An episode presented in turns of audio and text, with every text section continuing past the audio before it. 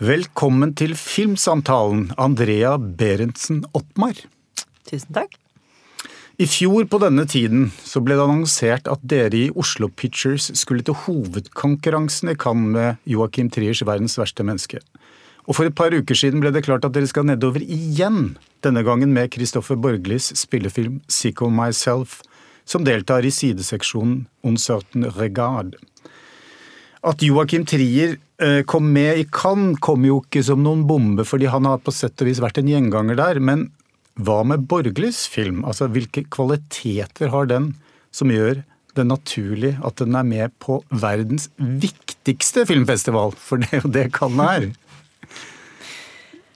Ja, det, det, er et stort spørsmål, syns jeg. Og jeg tror Ja. nesten ikke man eh, vet det helt før eh, sånn i retrospekt, eller etter den har kommet ut til publikum. Du har helt rett, vi er, vi er tidlig ute her nå, Ja. så du, du får heller moderere deg litt. Ja, så kan jeg svare på det? ja, Ja. prøv. Nei, um, det var en målsetting vi hadde fra start, eh, for så vidt, å prøve å få den inn der. Mm. Og det handler jo uh, veldig mye om Kristoffers eh, både mm, ambisjonsnivå og hva han har vist før, spesielt i kortfilmene som er eh, veldig sånn solide ideer. Så var også denne en veldig, veldig konseptuell film, og en veldig eh, liksom helstøpt idé. Så hvis den Hvis vi klarte å gjennomføre den på veldig høyt nivå, så tenkte vi da burde dette kunne bli skikkelig bra. Mm. Og så føler jeg at, eh, at vi har klart å eh, få høyt nivå på produksjonen også, da. At den har blitt eh, en liten, liten gem, eller hva man sier det. Jo, jo. Ja. Nettopp. Eh, De som er interessert i å vite litt mer om filmen, kan jo på en måte lese Jon Inge Falldalens intervju med Borgli, som vi publiserer i løpet av denne uken også. Men, men tilbake til altså, verdens verste menneske, da. eh, Som var den første spillefilmen du jobbet på som produsent. Altså, den resulterte i en gullpalme og eh, to Oscar-nominasjoner. Og hvordan har det vært å motivere seg etter det? Altså, burde, burde du ikke hatt litt mer motgang først? Ja, altså dette mm, var ikke en veldig lineær vei, da, vil jeg si. Nei. Eh, Jeg startet ikke i dette prosjektet Nei. som produsent heller. Det var en vei som ble litt til underveis. Mm. Og underveis på den veien så satte vi i gang Kristoffer sitt prosjekt. Sånn at de tingene har jo overlappet og blitt veldig til. Eh, Og bare for å ha sagt det, du, du har ikke manglet motgang i din karriere fordi du begynte som kortfilmprodusent, og da er jo motgang name of the game, men vi skal komme tilbake til det. Det var litt flåsete av meg, men ok. Eh, men altså eh, Det har altså Litt av, en, litt av en reise med 'Verdens verste menneske', eh, som jo på en måte må ha vært litt uvirkelig også, fordi suksessen har vært sånn så formidabel. Virkelig. altså nå, Jeg ser det jo fra mitt perspektiv, da, som, som eh, ung og ny produsent som ikke har gjort så veldig mye. Eh, og for meg så var det veldig klart at målsettingen vår var å, å få denne filmen til Cannes. Og det håpet vi også fra start og jobbet veldig hardt for. Så når vi først fikk den dit, så var jo det bare en sånn fantastisk eh, måloppnåelse, liksom. Og nesten lettelse også, tror jeg, for flere involverte. Men alt som da skjedde derfra, det hadde ikke jeg engang eh, liksom reflektert over at det var, eh, var mulig på et vis, selv om det alt henger jo sammen eh, med alt. Liksom. Når man først kommer til Cannes, så er det også mulig at det utløser et Oscar-løp og sånne ting, men det, det var ikke en del av horisonten når vi jobbet i produksjon for min del, så alt det har vært en veldig over eh, forventning for meg. Mm. For disse to filmene er jo altså Det er jo en sterk eh, markering av et, eh, et lite selskap i vesle Norge, eh, og som, har, som er relativt nystartet også.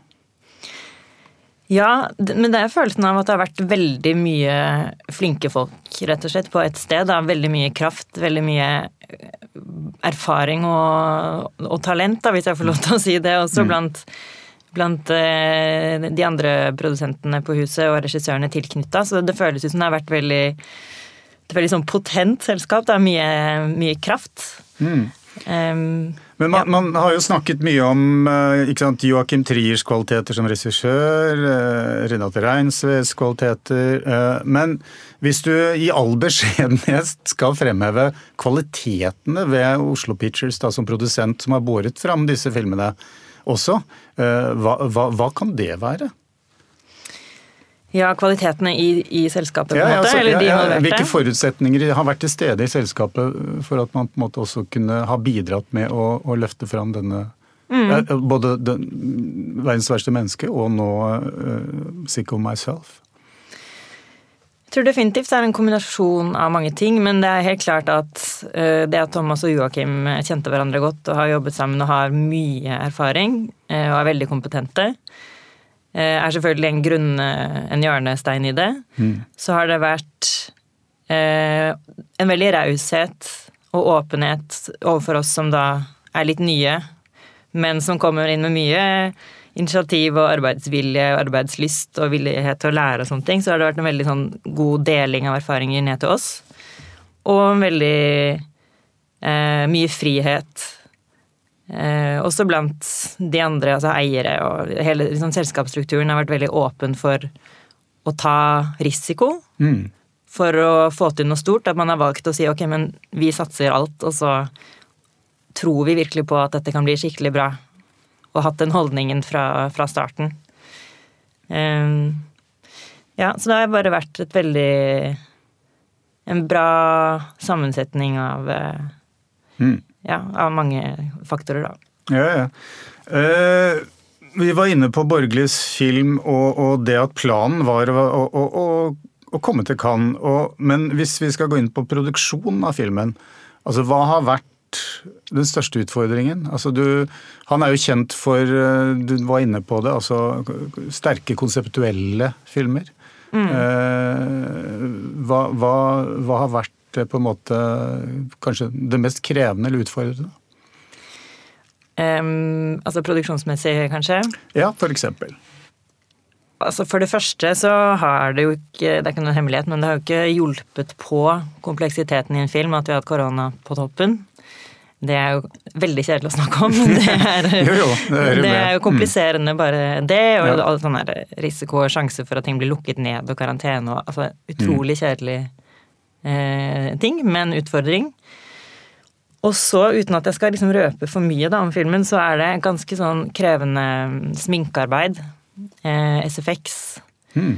Så det var en veldig stor kabal for å legge til rette for det, og veldig lange dager eh, og mange timer i sminke for hovedaktøren Kristine. Og det det får du spørre henne en gang om hun ville gjort det igjen. fordi det tror jeg, jeg tror ikke vi helt skjønte hvor krevende det ville være.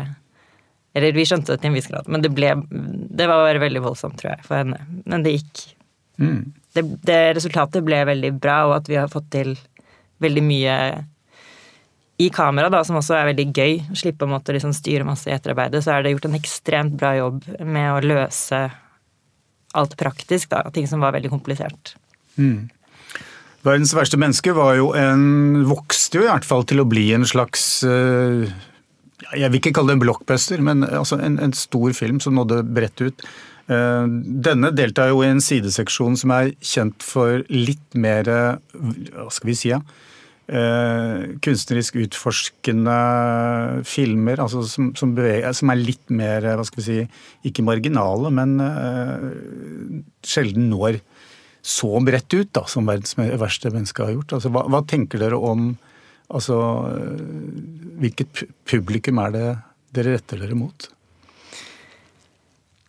Ja, det vil vise seg litt, da. Men ja. vi tror jo at det er eh, spesielt unge voksne og eh, ja, liksom i 20-årene mm. spesielt, kanskje, som det er ment for, eller seint i tenårene. Eh, det er en en film som starter et sted og ender et veldig annet sted. Som man kan bli litt overrasket over underveis, og som kommer til å eh, helt sikkert dele folk litt i om man syns det er morsomt eller forstyrrende eller smart eller teit eller Jeg tror du kan Folk kan mene mye forskjellig om det, men det er jo det som også er veldig gøy, og kvaliteten i filmen, tenker jeg da, at den er Den utfordrer publikum. Um, både på en måte estetisk og uh, og intellektuelt, hvis jeg skal bruke et sånt ord, eller med, på innholdssiden. Mm. Uh, de beste regissørene er gjerne litt krevende også. Eller altså, en, en god regissør skal jo kreve. Eh, og som produsent må man forholde seg til det. Man må lære seg sant, å håndtere talent, og man må være menneskekjenner osv. Eh, hvis du skal sammenligne Joakim Trier og Kristoffer Borgli, altså, hva er fellestrekkene og forskjellene? Altså, hva, hva, hva er liksom som kjennetegner disse enerne innen registanden, slik du opplever det? Ja um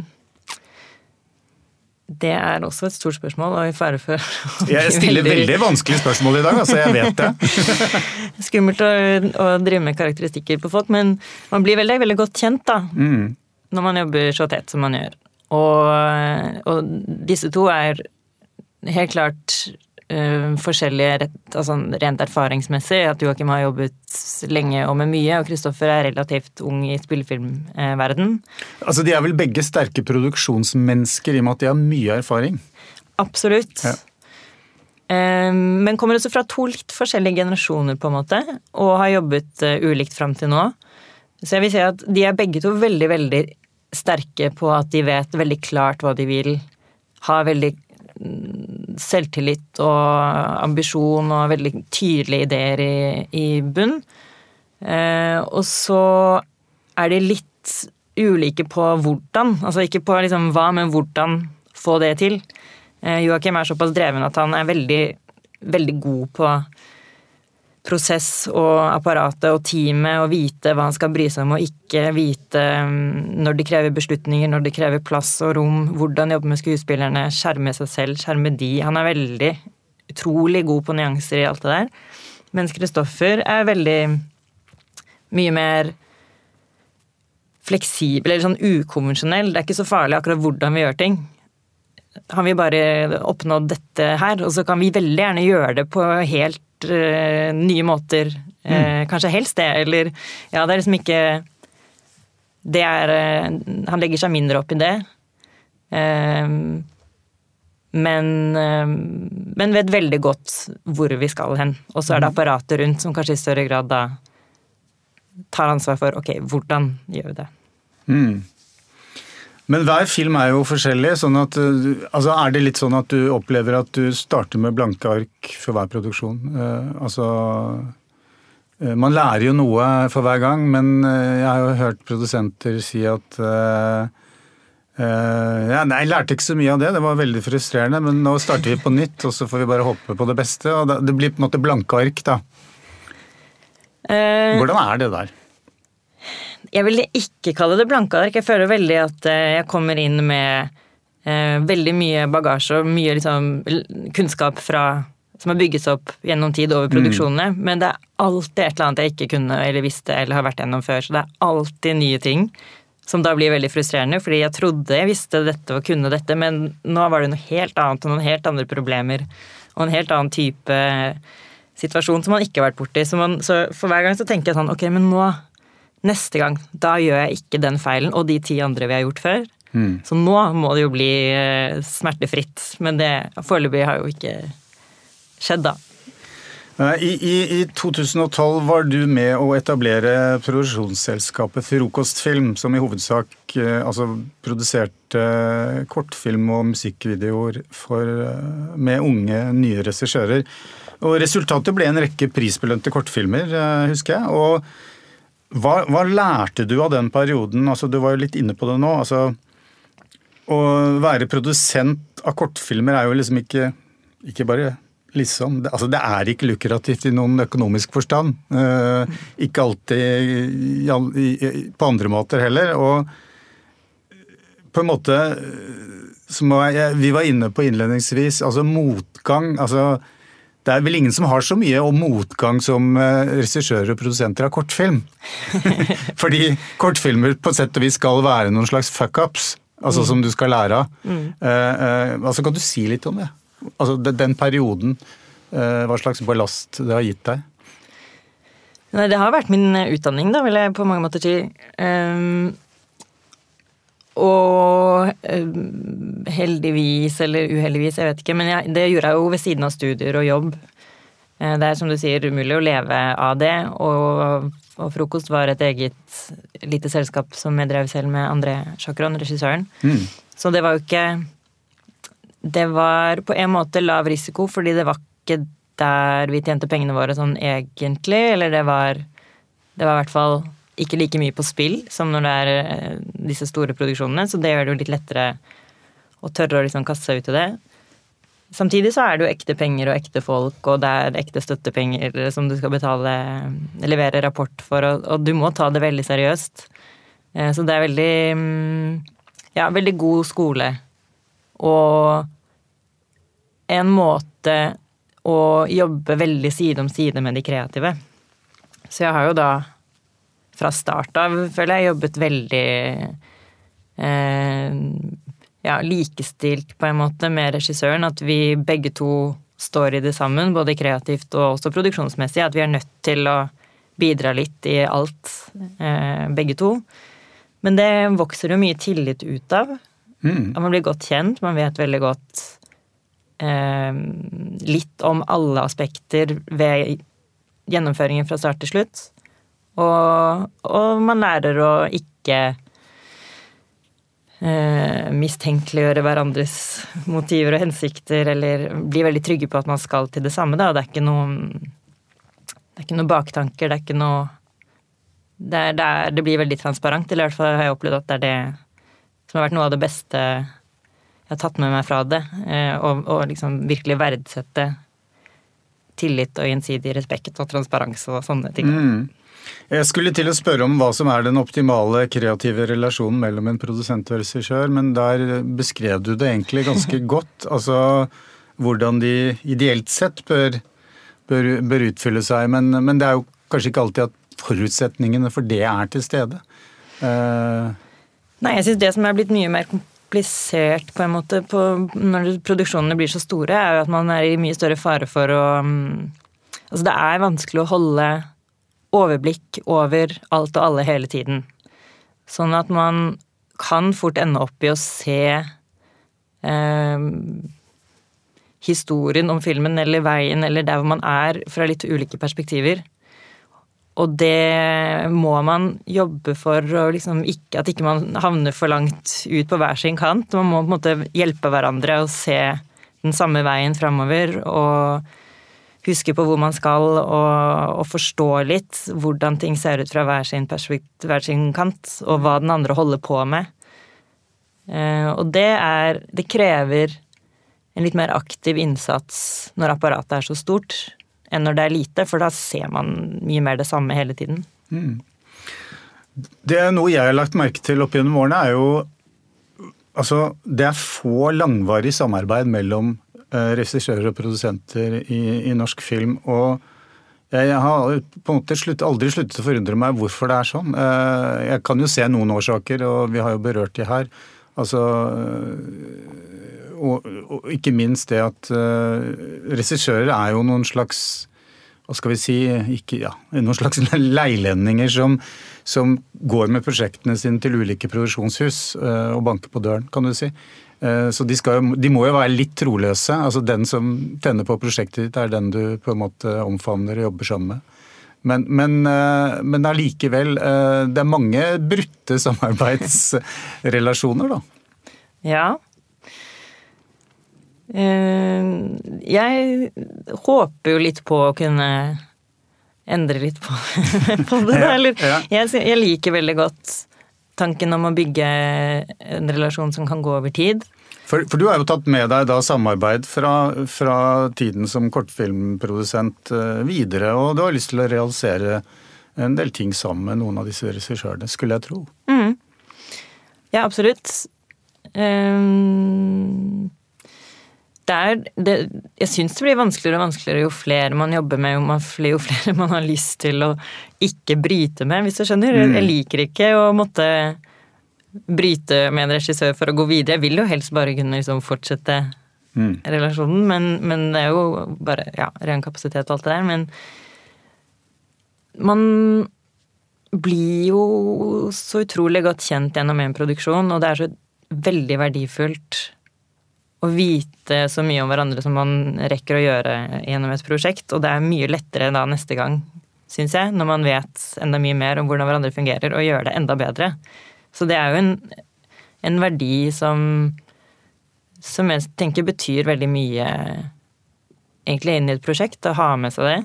Men det er også kjempekomplisert å lage film, og risikofylt, og sjansen for at man feiler er stor, eller at man krangler, eller at man endrer seg som mennesker, eller eh, at man også selvfølgelig som regissør og produsent naturlig nok ofte har veldig ulike egenskaper. Ulike dragninger til ting. Det er eh, Det er vanskelig å holde, holde sammen, mm. det skjønner jeg jo, men mm. Eh, det er, men, men det, er en, det, er en, vanskelig Det er en krevende bransje. Mm. Eh, altså, du var inne på dette med produsentrollen og, og hvor komplisert den har blitt. Altså En gang i tiden, altså når jeg begynte å interessere meg for film, så virket liksom produsentrollen mye enklere. Det var jo selvfølgelig ikke det, men, men, men, i dag så er det gjerne sånn at man har ulike produsenter som fyller ulike funksjoner i et selskap. Altså det, tidligere så var det kanskje sånn at produsent gjorde alt mulig rart som, som falt inn under uh, produsentrollen. Men, men, hva, er det, måte, hva er det du liker best uh, som produsent å jobbe med? Uh, Altså, er det å, å, å, utvikle prosjekter sammen med talentene? Det er vel, det er vel neppe å, å levere eh, papirer og regnskap til, til, NFI og andre som er, krever det? Nei, det er kanskje det jeg ville valgt bort først, men ja. eh, eh, jeg syns jo det mest tilfredsstillende eller morsomme er jo å kunne litt av alt, da, egentlig. Selv om det også er eh, Yes, jeg jobber veldig med dette, syns jeg, for tiden. Sånn. Ja. Eh, det er noe jeg skal bli bedre på. Og um, finne den, den, beste balansen i hvordan være involvert i alt, og samtidig eh, ikke gjøre alt. Eller mm. liksom klare å delegere og styre og lede et team på en fornuftig måte som er bra for dem, som er bra for meg, som er bra for regissøren. Og det tror jeg det tar lang tid å bli utlært på, men hva som jeg syns er morsomst um, Det beste er alt som handler om å se at en idé har blitt til noe ekte. Mm. Det å finne casten, det å være altså Jeg elsker ikke å være på sett, men jeg liker veldig godt å se sånn Her er alle disse folka vi har funnet, og det går bra, og det ser ut som at kjemien eh, fungerer mellom de, og de har det gøy, eller eh, mm. den ideen, denne scenen her som fantes i manus, den er i ferd med å bli sånn, og det, det er veldig Det å bare se mm, ting kom, bli realisert, det er gøy. Mm. Og det skjer i mange faser av prosessen. Og så da endelig se det på duken. Ja. Ikke sant? Ja. Eh, og eh, for eksempel eh, se det ferdige resultatet i eh, en av verdens mest myteomspunne kinosaler, eh, den Lumière-salen i Cannes. Det, det, må jo ha vært spesielt. Absolutt. Det var eh, veldig sånn frysningøyeblikk. Og det er jo noe med å ha sett også den filmen mange, mange mange ganger i prosessen på alle ulike stadier. Og så når man sitter der, så plutselig så ser man den på nytt med, med nye øyne, fordi man blir litt sånn tatt ut av den produksjons... Ja, situasjonen, eller den, eh, den måten å se filmen på og ta inn over seg Nå er det Nå blir den levert til publikum, og så ser man den litt mer fra publikums perspektiv, og så er det Det var en veldig magisk uh, følelse, ja. Og i tillegg så var det også første gang på lenge at vi hadde i det hele tatt sittet med publikum i en sal mm. akkurat da. Så det var også ekstra spesielt. Mm. Så nå skal du til Cannes igjen, eh, ikke bare som produsent av Kristoffer eh, Borglis film, men du er også utvalgt til å være Norges producer on the move, som det heter. Og Kan du fortelle litt om det? Eh, det er, noe, altså det er et knippe europeiske produsenter som får æren av å ja, hva gjøre, hva, å gjøre hva egentlig? Det er, jeg er litt sånn nysgjerrig på det. Ja, det er en veldig bransjete ting, men det er De kaller det vel en slags networking um, program hvor man blir satt sammen og blir kjent med hverandre som produsenter på eh, et slags lignende sted i karrieren, som kan dra nytte av hverandre for europeisk koproduksjon. Så det er liksom det ypperste av unge up and coming produsenter som da skal møtes i Canada. Ja, ja. ja. Og som da møter bransjen og får en profilering ut mot eh, ja, alt av bransjeaktører som er på festivalen. Eh, og får presentere prosjektene sine og eh, pitche og presentere seg selv. Mm. Ja. Det blir, blir, spennende. Eh, rekker du å, hva skal vi si eh, drive med sånn nettverksbygging i Cannes som for øvrig? Altså, det er jo det man gjerne gjør i Cannes. Og Producers on the Move er jo mer uh, nå, nå, snakker jeg som om jeg har peiling på det her, men jeg tenker at jeg vet jo ingenting om det her. Så hva er det du forventer å få ut av det? Uh, Nei, jeg vet jo ikke så godt selv hva jeg skal forvente, men, men, eh, det er bare det å møte Det å møte andre produsenter, det er eh, det må jeg innrømme også fra ha jobbet litt sånn alene som produsent i det lille selskapet. Mm. Nå har jeg jo jobbet i litt andre selskaper òg, men det å etter hvert bli kjent med andre produsenter på samme nivå og kunne fortelle hverandre skrekkhistorier eller eh, gode historier og løse hverandres problemer og dele Altså igjen, om det så er sånn ja, NFI eller rapporteringsproblematikk eller X eller altså utrolig mm. kjedelige ting, men for mm. oss veldig ting som tar mye plass i hodet. Det er veldig deilig å ha ja, ha andre som forstår produsentoppgaven på sånn detaljnivå som det er, også i Norge, men, men internasjonalt så er det kanskje enda mer å lære av hverandre, da. Det er gøy. Og så greier man seg vel ikke i dag eh, uten europeisk samproduksjon? For Nei, eksempel. Eller og... internasjonal samproduksjon. Altså det er the name of the game. Eh, man kommer jo egentlig ingen vei med, med relativt store produksjoner uten det.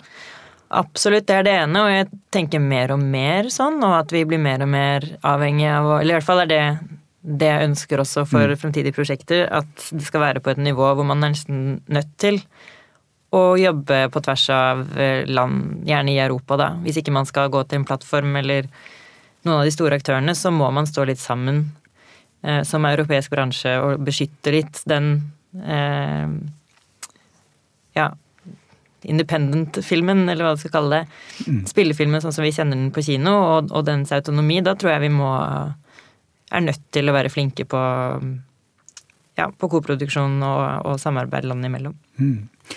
Og da sier jeg lykke til med det, Andrea. Eh, takk for takk. at du ble med i Filmsamtalen. Tusen takk.